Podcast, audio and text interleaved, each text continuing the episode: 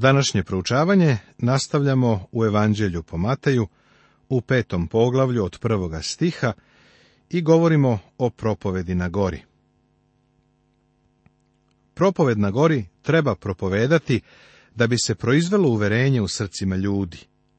Ovaj dokument ljude obaveštava da su zgrešili i otkriva da niko nije pravedan i da su svi lišeni Božje slave hrišćanin može principe postavljene u propovedi na gori da uzme i da ih razmatra u svetlu ostatka pisma.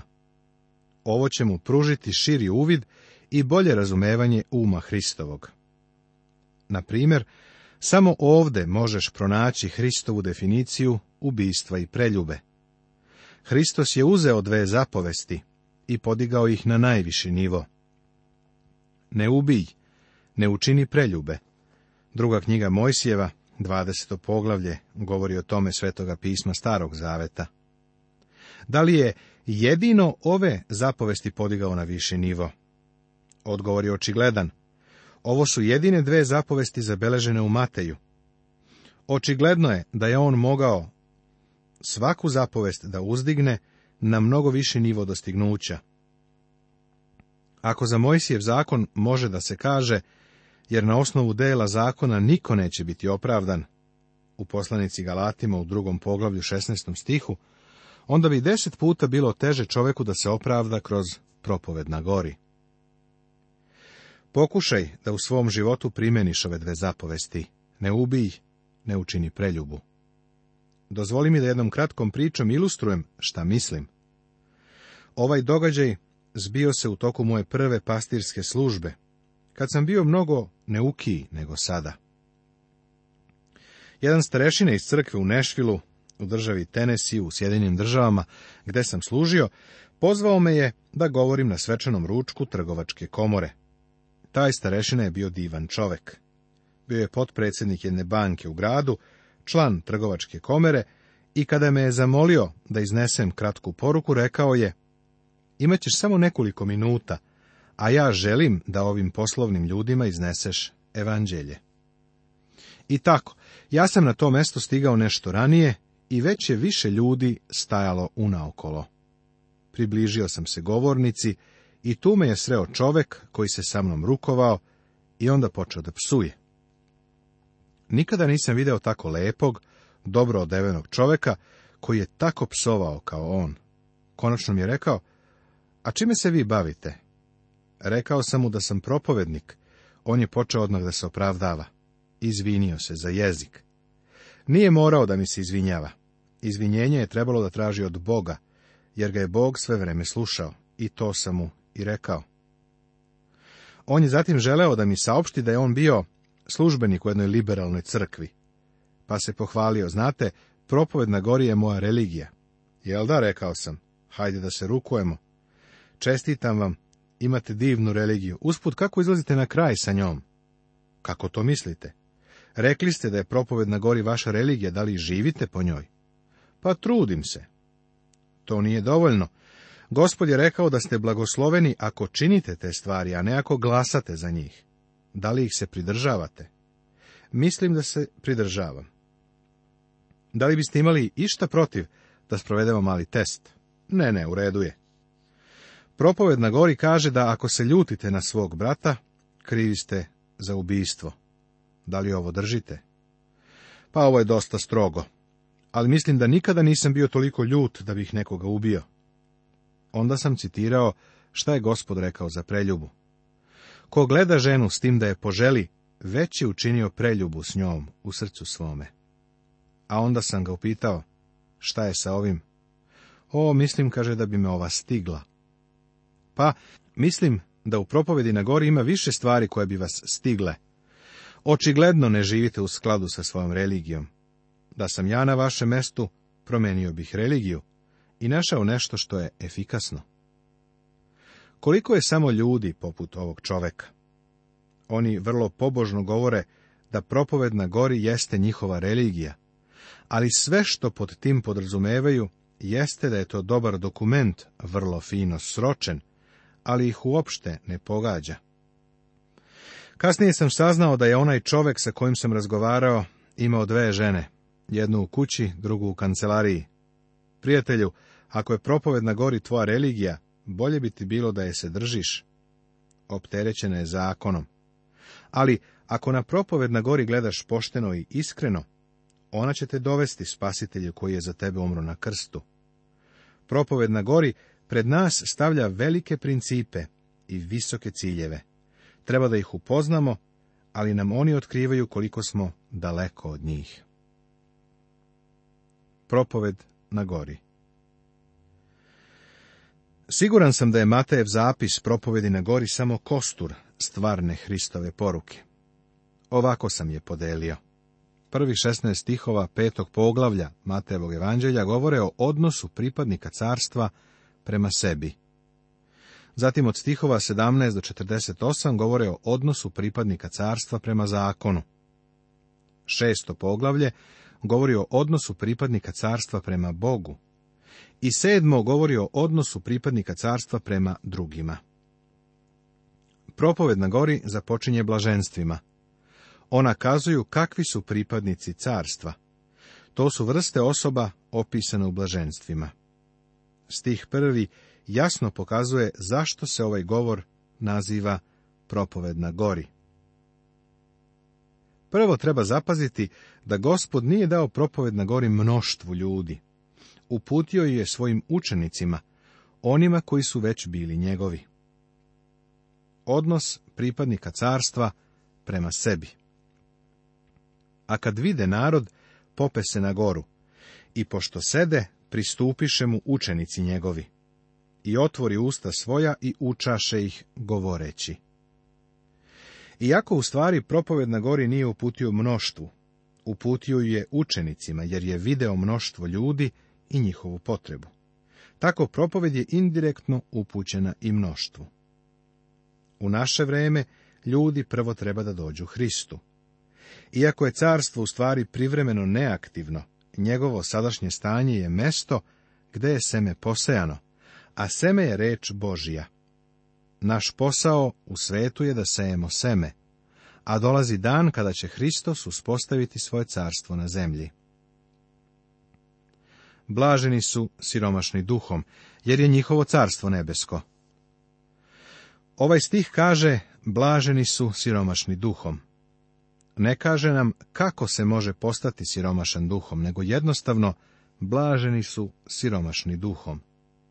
U ovih 12 stihova naš gospod je devet puta upotrebio reč blaženi.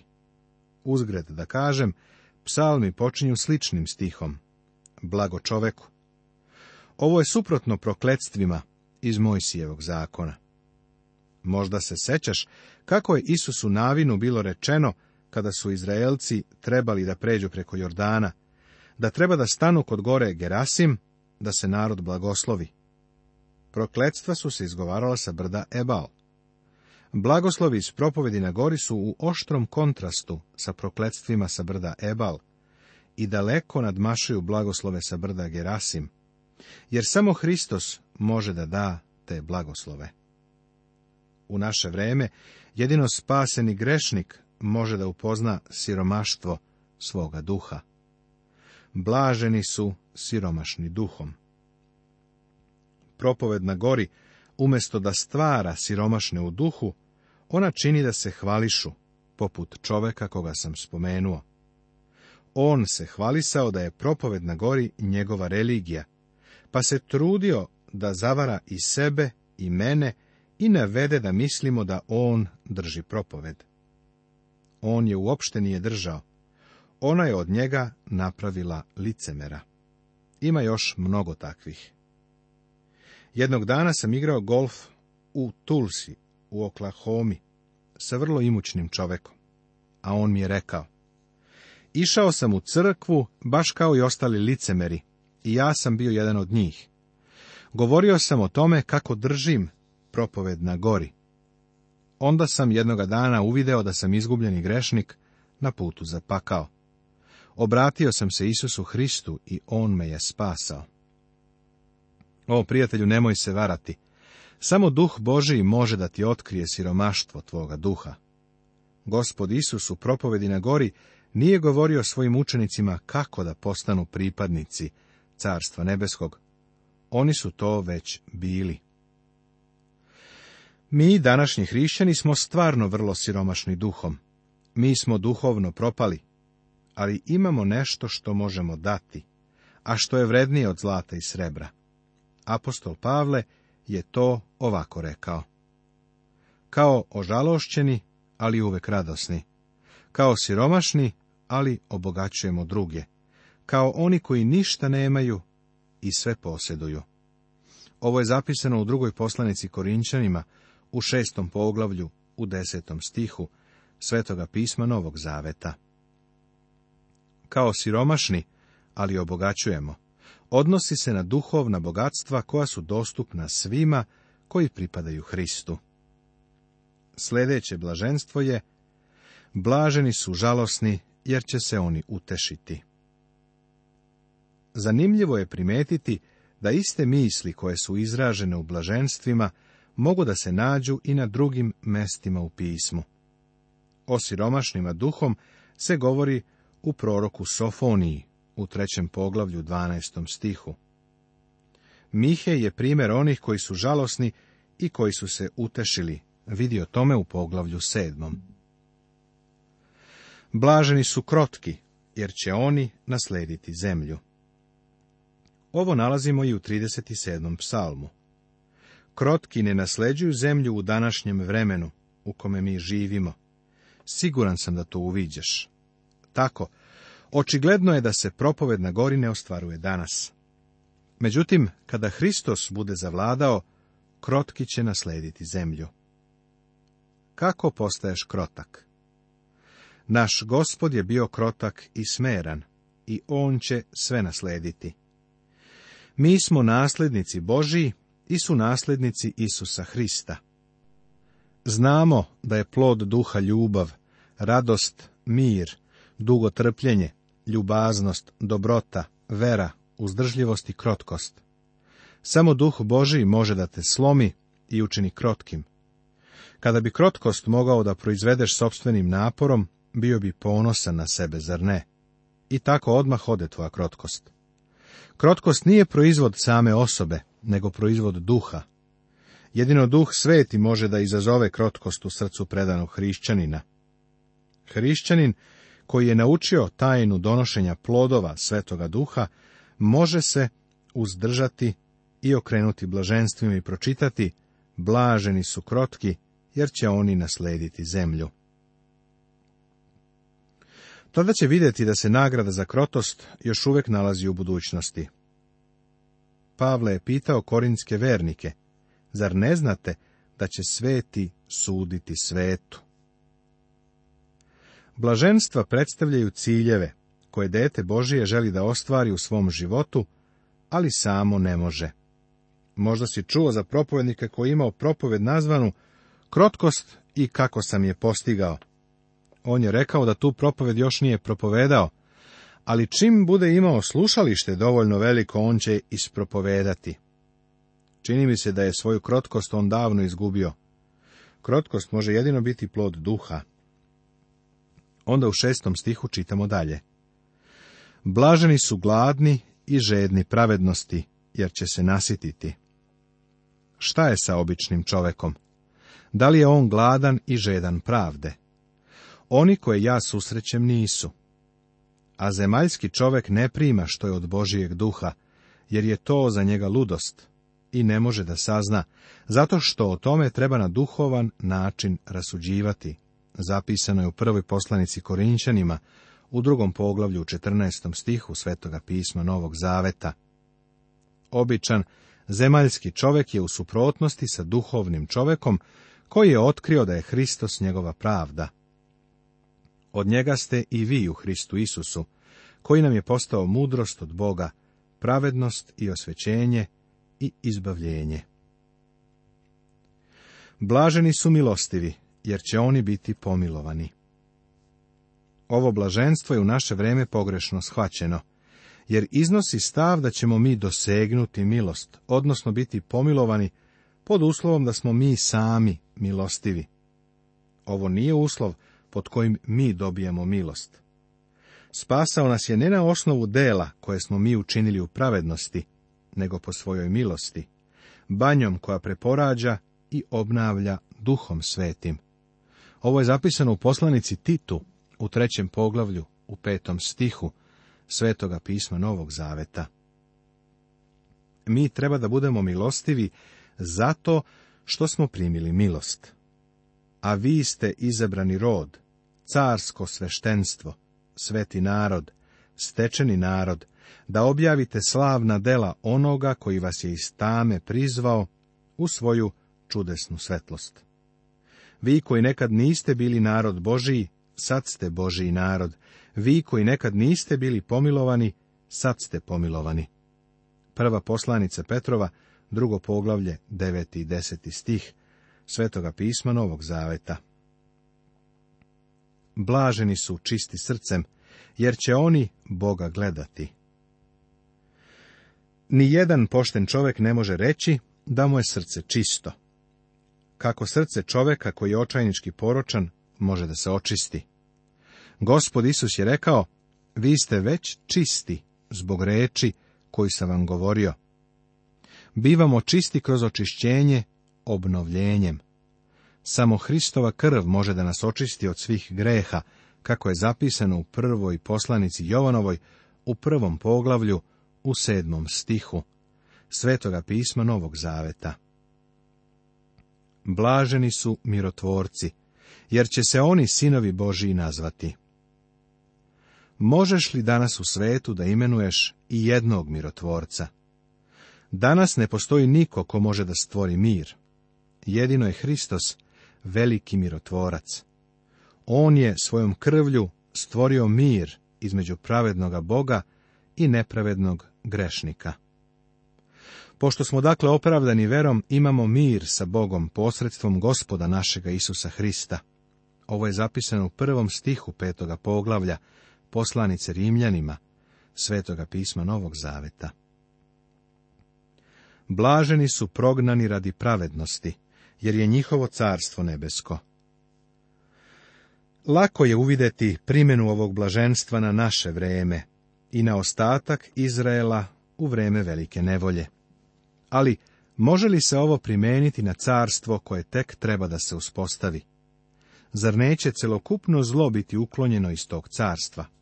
Pa, mnogi delovi pisma pokazuju na to da će u hiljadugodišnjem carstvu još uvek biti zla u svetu jer će to biti vreme provere. Navala pobune na kraju hiljadugodišnjeg carstva otkriva da će zlo u toku tih hiljadu godina biti rasprostranjeno. Vidi otkrivenje Jovanovo 20. poglavlje od 7. do 9. stiha. Vi ste so zemlje. Ako so obljutavi, čime će se osoliti? Ne vredi više ni za šta nego samo da se izbaci i da je ljudi izgaze. Vi ste svetlost sveta. Ne može se sakriti grad koji leži na brdu. Boži narod je u svakom dobu i pod svim uslovima uvek i so i svetlo u svetu. Jedan autor, Scott, umjesto obljutavi ili izgubi ukus, koristi mnogo izražajniju reč izgubi jak, oštar ukus. Taj termin mi se više sviđa ako so izgubi oštar ukus. Današnji problem je u tome što je većina članova crkve izgubila ne samo oštar ukus, koji so treba da ima, nego su kao i biber izgubili svoju snagu. Danas imamo malo hrišćana koji su zadržali svoj ukus. So ne sprečava fermentaciju ni slične procese, ali ih usporava. Ti i ja treba da budemo so na zemlji i da imamo uticaj u dobrim stvarima u svetu. Hrišćani su također svetlost sveta. Vernici će zasigurno u carstvu biti svetlost sveta. Ovo je za nas divan princip. Treba da smo svetlost u susedstvu i gde god da idemo. Svetlost nije u nama samima, nego je Božja reč svetlost. Biti svetlost znači objavljivati Božju reč na bilo koji način. To ne znači da sve vreme treba da citiraš sveto pismo, ali znači da treba sa drugima da deliš svetlost koju ti je Bog dao. Veoma je lako negovati negu osobu i pažljivo i tiho je upoznati sa crkvom koja ima biblijsko učenje ili sa nekim radioprogramom, kao što je naš, na primjer. Mnogo je načina na koji možeš biti svetlost sveta. Nastavit će se